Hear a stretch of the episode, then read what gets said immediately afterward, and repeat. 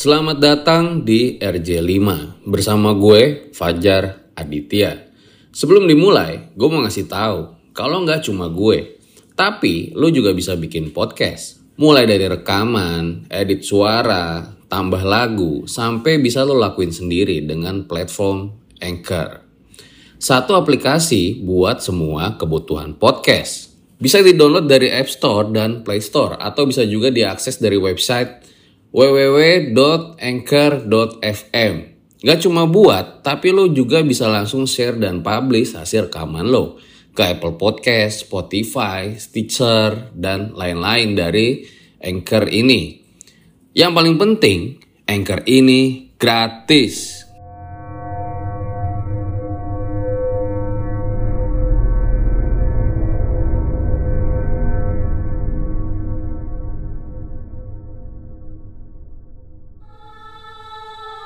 Cepat atau lambat, manusia akan menghadapi kematian. Tinggal menunggu saja kapan kematian itu akan datang menjemput.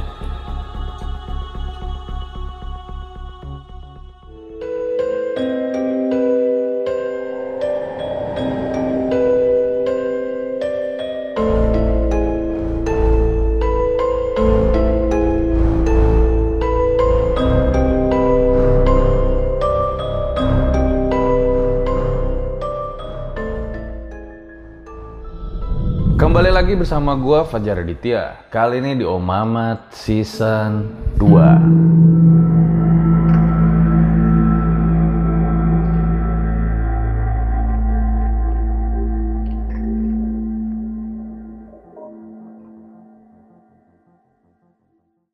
Bang, cerita pendakian lagi dong. Oke oke, jadi ini ada salah satu cerita yang menurut gua bagus banget ya. Wah, gila sih. Di mana ini bisa jadi pengingat buat kita. Salah satu yang pasti bagi manusia itu adalah kematian. Ya nanti kalian lihat sendiri aja ceritanya kayak gimana. Sebelum gue mulai, jangan lupa dukung terus karya-karya RJ5. Jangan lupa juga follow Instagram gue, dari Laditya sama RJ5 Official. So, gue rasa langsung saja berikut adalah ceritanya.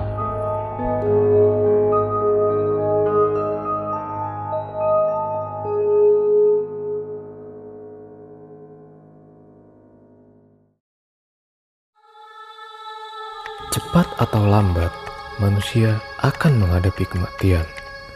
Tinggal menunggu saja kapan kematian itu akan datang menjemput.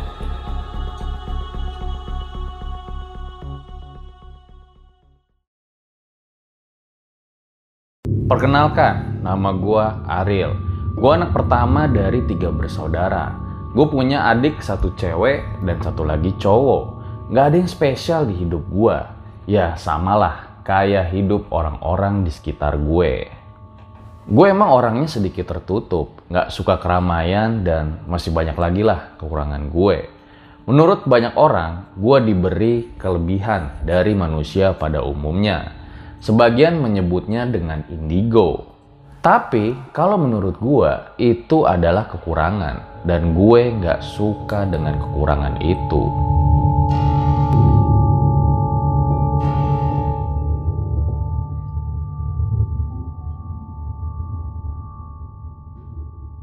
Makanya gue suka rada heran tuh kalau ada orang yang ngomong, Bang, tolong bukain mata ketiga gue dong. Gue pengen lihat begituan, kayaknya seru deh.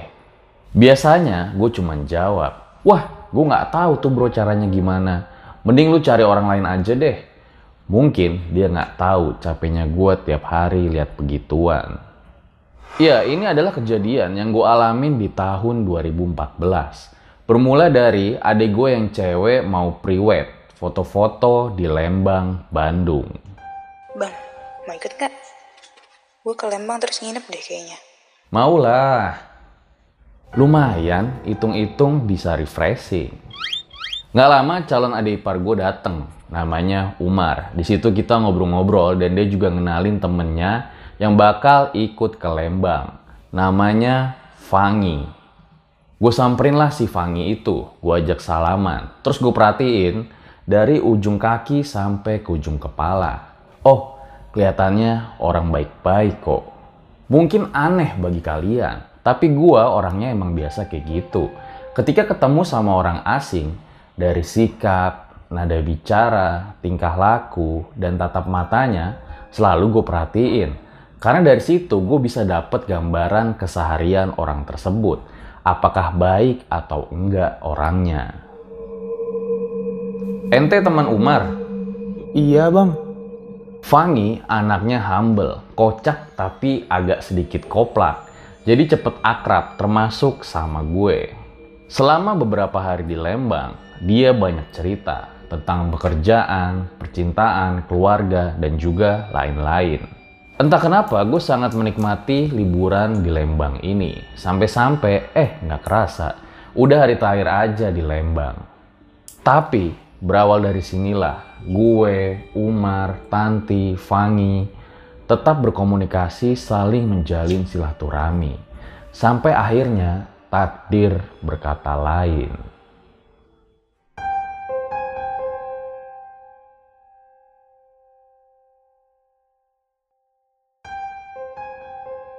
Buat kalian yang punya pengalaman horor nyata, bisa kirim cerita kalian ke email rj5 atau DM Instagram rj5.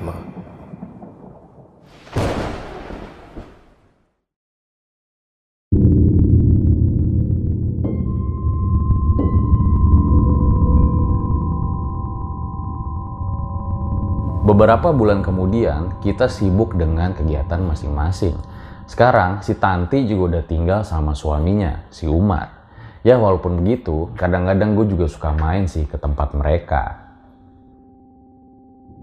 Bang liat deh foto kita pas liburan di Lembang. Wah iya itu waktu lo priwet ya, kangen juga ngumpul-ngumpul lagi. Semalam gue mimpi Fangki bang, dia manggil-manggil gitu. Mungkin lo kangen aja kali, coba aja lo whatsapp anaknya.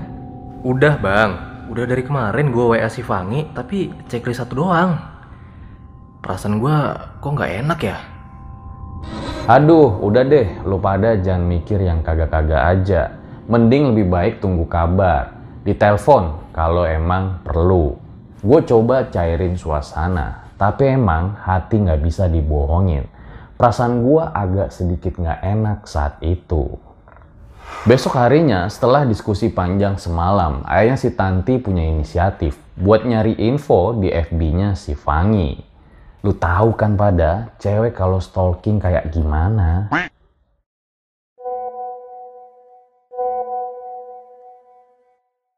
Hingga akhirnya pas gue lagi kerja, tiba-tiba aja handphone gue bunyi. Ada notif WhatsApp dari si Tanti. Di situ Tanti bilang kalau ternyata si Fangi lagi sakit. Pas gue tanya, si Fangi sakit apa? Tapi si Tanti cuma jawab singkat. Udah, biar nanti si Umar aja yang jelasin bang. Di situ gue mikir, takutnya terjadi apa-apa sama si Fangi ini. Karena emang orangnya yang baik. Di saat gue lagi mikir, tiba-tiba handphone gue bunyi lagi. Kali ini si Umar yang nelpon. Gue mau kasih tahu info si Fangi. Iya Mar, gimana? Baru aja si Tanti WA gue tadi, eh nggak lama lu nelpon. Sakit apa sih dia? Kok nggak ngabarin kalau sakit? Kayak nggak punya temen aja tuh anak. Fangi sekarang di pesantren bang, di daerah Jonggol, Bogor. Lagi di Rukiah. Hah? Dia Rukiah? Itu Rukiah apaan? Mana gue tahu bang. Yaudah nanti ngobrol di rumah aja deh. Gue masih kerja nih Mar. Kaget banget. Gue denger kabar si Fangi lagi di Rukiah. Mudah-mudahan gak terjadi apa-apa sama dia. Singkat cerita, abis pulang dari kantor langsung tuh gue pergi ke rumah si Umar. Baru sampai di depan, eh Umar udah langsung nyambut gue. Hem, kayaknya ada yang gak beres nih sama Fangi. Setelah gue duduk, mulai ceritalah si Umar. Jadi pas dulu gue, Tantri sama Umar pergi ke Garut, kita emang punya rencana buat ke Gunung Guntur. Tapi sampai empat kali muter-muter, gunung itu nggak ketemu juga. Saat itu gue mikir mungkin emang orang yang ngasih tahu jalannya yang salah. Tapi anehnya, walau masih pagi, gua, Umar, dan Tantri yang lagi hamil muda, Kayak muter-muter aja nyari jalan ke gunung itu. Tiap nanya sama tukang, warga sekitar, jawabannya selalu sama. Atau kelewatan, A. Itu di depan, puter balik aja. Jalan pelan-pelan. Saat gue lagi nginget-nginget kejadian itu, tiba-tiba Umar ngomong satu hal yang bikin gue kaget. Nah, pas kita akhirnya jadi ke pantai Santolo Garut, jadi bang, si Fangi juga lagi di Garut ternyata. Dia sama teman-temannya ke Gunung Guntur bang. Kalau nggak salah ber-25 orang. Lo paham kan maksud gue? Mungkin cuman kebetulan aja. Mungkin juga emang gua aja yang nggak bisa lihat papan tulisan Gunung Guntur itu. Tapi anehnya, kenapa bisa barengan sama sakitnya si Fangi? Pikiran gue mulai bercabang, penuh dengan kemungkinan-kemungkinan yang nggak jelas. Akhirnya langsung gue putusin sama Umar buat besok kita langsung jenguk aja si Fangi. Tapi di situ Umar yang emang antusias banget sama hal-hal tak kasat mata. Minta gue buat cek langsung aja dari sini. Sebenarnya apa yang terjadi. Tapi gue jelasin sama Umar kalau gue gak bisa ngandelin penglihatan non fisik gue aja. Gue harus pastiin juga dong pakai mata real gue.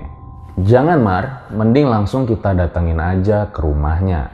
Sekalian silaturahmi sama keluarganya Fangi. Gue udahin tuh obrolan malam sama si Umar.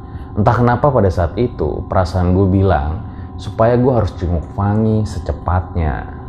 Hingga akhirnya tibalah hari di mana gue pergi ke rumah Fangi.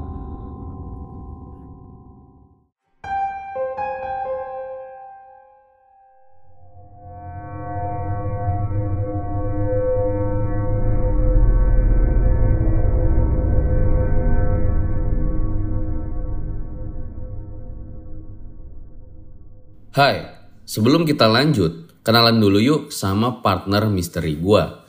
Namanya Anchor. Anchor ini adalah all-in-one podcast editing platform yang membuat gue lebih mudah untuk rekaman, edit suara, tambah lagu, dan segala hal dalam pembuatan podcast yang sedang kamu dengerin kali ini. Anchor bisa membantu kamu bikin podcast kamu sendiri Caranya tinggal download dari App Store dan Play Store atau bisa juga diakses di www.anchor.fm.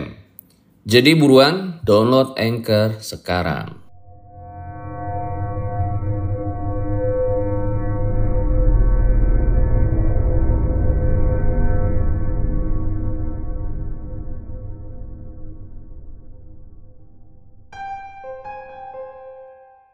Akhirnya gue sama Umar sampai di depan rumah Fangi. Kita ketok-ketok lah tuh pintunya.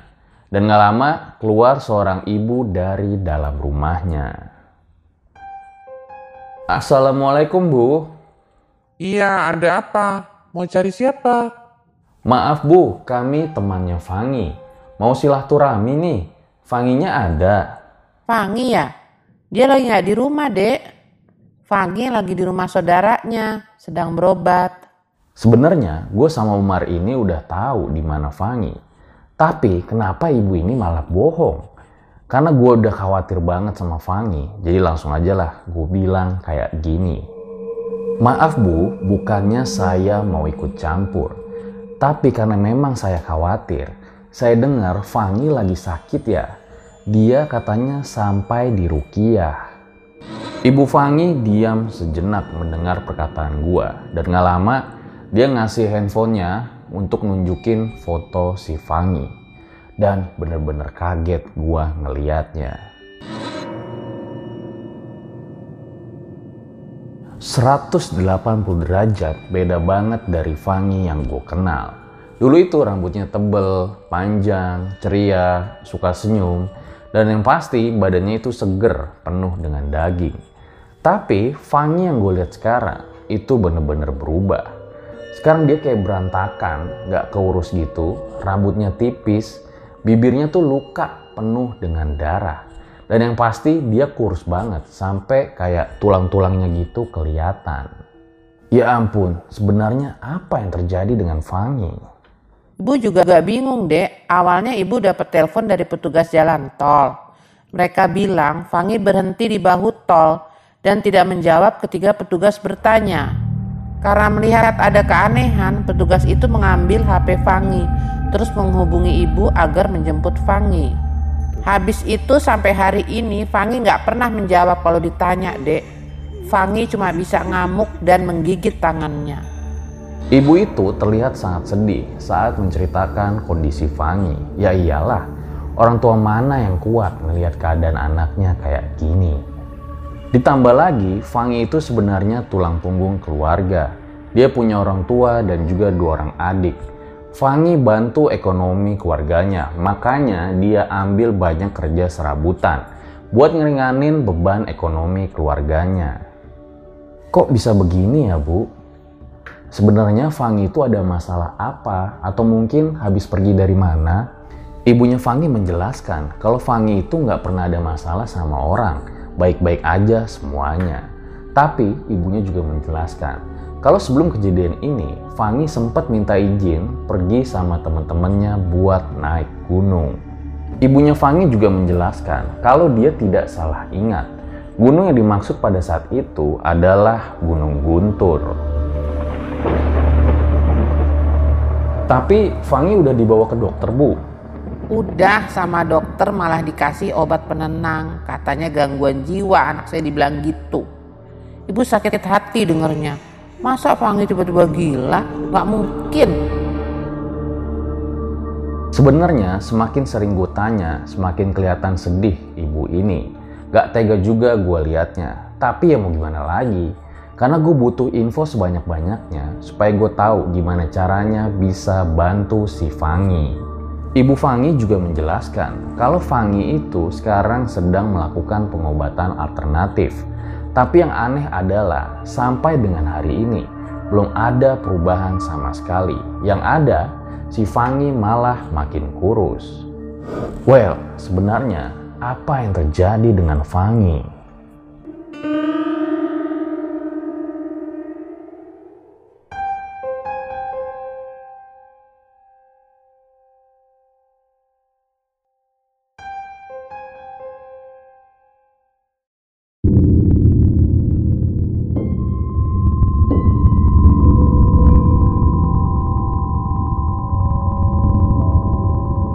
Gue dan Umar terus menggali kejadian yang sebenarnya terjadi dari Ibu Fangi.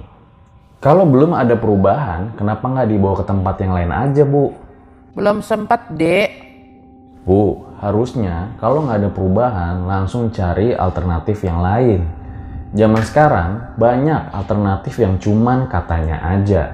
Tapi ternyata malah nggak ada hasilnya. Ibu bingung harus ke mana lagi Ibu udah coba datengin semua yang katanya bisa bantu Fangi. Tapi hasilnya tetap aja begitu. Sekarang ibu udah gak punya apa-apa lagi. Ibu cuma bisa pasrah. Ibu Fangi mulai meneteskan air mata. Langsung aja lah tuh gue colek si Umar. Tanda kita udah harus berhenti nanya-nanya. Supaya cepet, langsung aja gue tanya, di mana sekarang lokasi Fangi? Karena kita pengen ketemu. Tapi di sini Ibu Fangi itu nggak ngizinin karena katanya percuma. Sekarang Fangi udah nggak kenal sama siapa-siapa lagi. Karena gue bingung ibunya Fangi nggak ngizinin dan gue harus gimana lagi.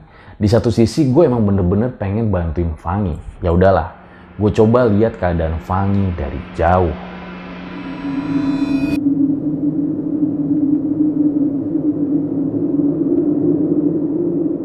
Agak bingung gue saat itu karena yang gue lihat adalah Fangi. Tapi bukan Fangi yang lagi di pesantren. Bukan Fangi yang lagi di Rukiah. Tapi yang gue lihat adalah Fangi yang ada di dalam tempat yang sangat gelap. Mungkin bisa dibilang goa kalau menurut gue. Kenapa gue bilang mungkin? Karena emang gue cuma bisa lihat dari depan dengan sinar remang-remang. Dan hawa yang gue rasain pada saat itu sedikit dingin, seperti sedang berada di pegunungan. Karena gue kaget dengan apa yang gue lihat, langsung lah tuh gue minta izin buat keluar sama ibunya Fangi dengan alasan mau merokok. Umar yang nampaknya paham dan emang sering ngobrol masalah beginian sama gue, juga langsung keluar ikut ke depan. Eh, tadi lo lihat apa bang? Habis ngecek si Fangi ya lo? Iya Mar, kaget gue. Gue lihat Fangi. Fangi masih di gunung deh kalau kata gue. Maksud lo, Sukma Fangi ketinggalan bang? Kayaknya enggak deh Mar, bukan ketinggalan. Emang ada yang nahan dia di sana. Biasanya kalau kayak gini, ada yang bikin salah Mar.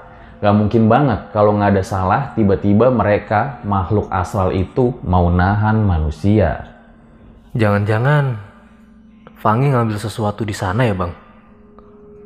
Gue nggak bisa jawab pertanyaan Umar saat itu. Karena emang nggak punya cukup bukti yang kuat dan juga ini masih misteri banget. Dan satu yang pasti, Fangi itu kurang percaya sama hal-hal beginian. Jadi kayaknya nggak mungkin deh dia ngambil sesuatu atau semacamnya. Karena udah maghrib, ditambah situasi yang nggak ngedukung karena lagi di rumah orang, gue sama Umar langsung minta izin aja lah, pamit buat pulang. Sesampainya di rumah Umar, Umar langsung bikin kopi hitam buat dia dan kopi susu buat gue. Sorry ya penggemar kopi hitam. Umar emang selalu antusias buat bahas hal-hal yang tak kasat mata gini. Dan gak jarang juga dia sering bawa teman-temannya yang bermasalah ke gue. Emang sempak tuh anak, bisa-bisanya bawa masalah terus ke gue. Udah, lu ngopi dulu aja Mar, gue pengen lihat lagi. Takutnya yang tadi gue lihat itu salah.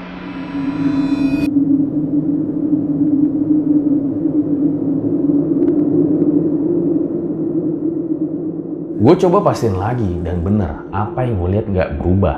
Fix, yang gue lihat itu sama. Saat itu gue lihat jalur yang ngebawa gue ke gunung itu. Fangi, Fangi, lu bisa denger gue? Gue coba komunikasi sama Fangi, tapi dia nggak ngerespon. Gue lihat dia kayak orang ketakutan, nengok kanan, nengok kiri. Gue juga lihat kakinya itu kayak diikat. Mukanya lebam dan seluruh badannya itu seperti habis disiksa. Gue coba dekati Fangi beberapa langkah. Tapi sepertinya ada dorongan yang membuat gue menjadi jauh dari gua tersebut. Padahal saat gue perhatiin sekitar, nggak ada perwujudan apa pun. Ada apa sih ini sebenarnya? Pikir gue saat itu. Oke lah, karena memang makhluk goib ini sangat penasaran dan kepo dengan energi. Untuk mendapat respon saat itu, makanya gue coba ngumpulin energi di sekitar dan digabungkan dengan energi gue. Dan coba gue ledakin energi tersebut tepat di depan goa. Wah, gila juga nih si Ariel. Bener kan dugaan gue, gak lama muncul sosok hitam tepat di seberang gue. Tapi saat itu gue gak bisa ngeliat dengan jelas. Mungkin mirip dengan genderuwo, tapi lebih besar dan nggak berbulu. Ada tujuan apa manusia datang ke tempat ini? Gue mau tahu kenapa itu manusia ada di dalam sana. Dia mengambil barang kami. Kembalikan barang itu, maka dia akan kami lepaskan. Barang? Apa yang diambil sama dia? Pusaka? Kalau barang kami nggak dikembalikan, sebagai gantinya, dia akan tinggal di sini bersama kami.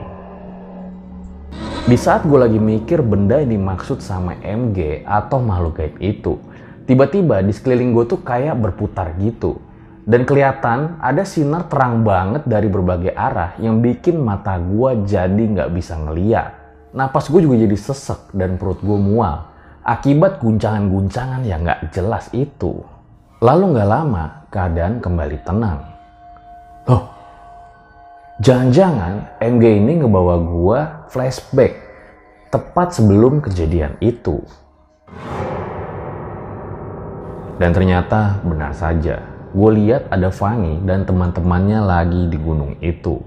Keadaan Fangi saat itu masih seperti yang gue kenal. Gue lihat mereka bercanda-canda kayak orang yang emang lagi naik gunung. Gak ada yang aneh saat itu, gue pun ikutin rombongan ke mana mereka pergi. Setiap temennya Fangi, gue perhatiin tuh satu-satu. Gak ada yang salah kayaknya dari mereka. Gak ada satupun yang punya kelebihan untuk melihat ataupun menarik pusaka alam gaib. Sekarang gue lihat mereka itu kayak lagi berendam di curug dan masih gak ada yang aneh, normal-normal aja. Hanya aktivitas biasa dari kumpulan pecinta alam. Bercanda, tertawa, usil terhadap teman yang lainnya. Tapi di situ nggak sengaja, gue ngeliat salah satu temennya Fangi lagi kayak ngegosok-gosok tangannya di dalam air. Karena gue penasaran, gue cobalah deketin orang tersebut. Ternyata dia itu kayak lagi ngegosok bongkahan batu kecil. Batu itu terlihat bagus, warnanya bening terang, agak coklatan. Semakin mengkilat ketika berada di dalam air. Pas gue lagi perhatiin batu itu, tiba-tiba pandangan gue jadi gelap. Badan gue berasa ketarik kenceng banget dan berasa sekitar gue tuh berputar. Sampai gue gak bisa fokus lagi sama apa yang gue lihat. Dan ketika gue udah sadar, ternyata gue balik ke tempat awal tadi. Di depan goa, tempat Fangi dikurung. Gue coba tuh cari MG yang tadi buat komunikasi, tapi nggak dapet-dapet. Karena emang badan gue yang udah mual-mual, pusing juga. Daripada gue yang drop, akhirnya gue mutusin buat balik pulang ke rumah.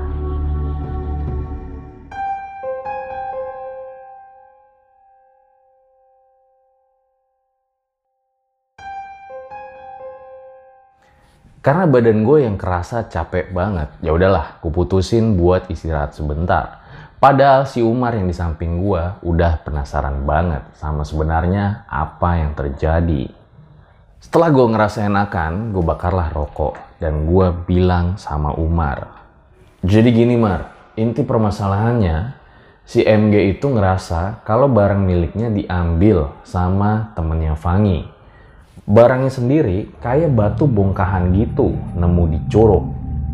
Nah apesnya itu batu malah diminta lagi sama si MG.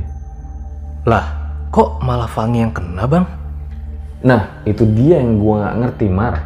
Kenapa malah si Fangi yang kena? Padahal temennya yang ambil itu batu.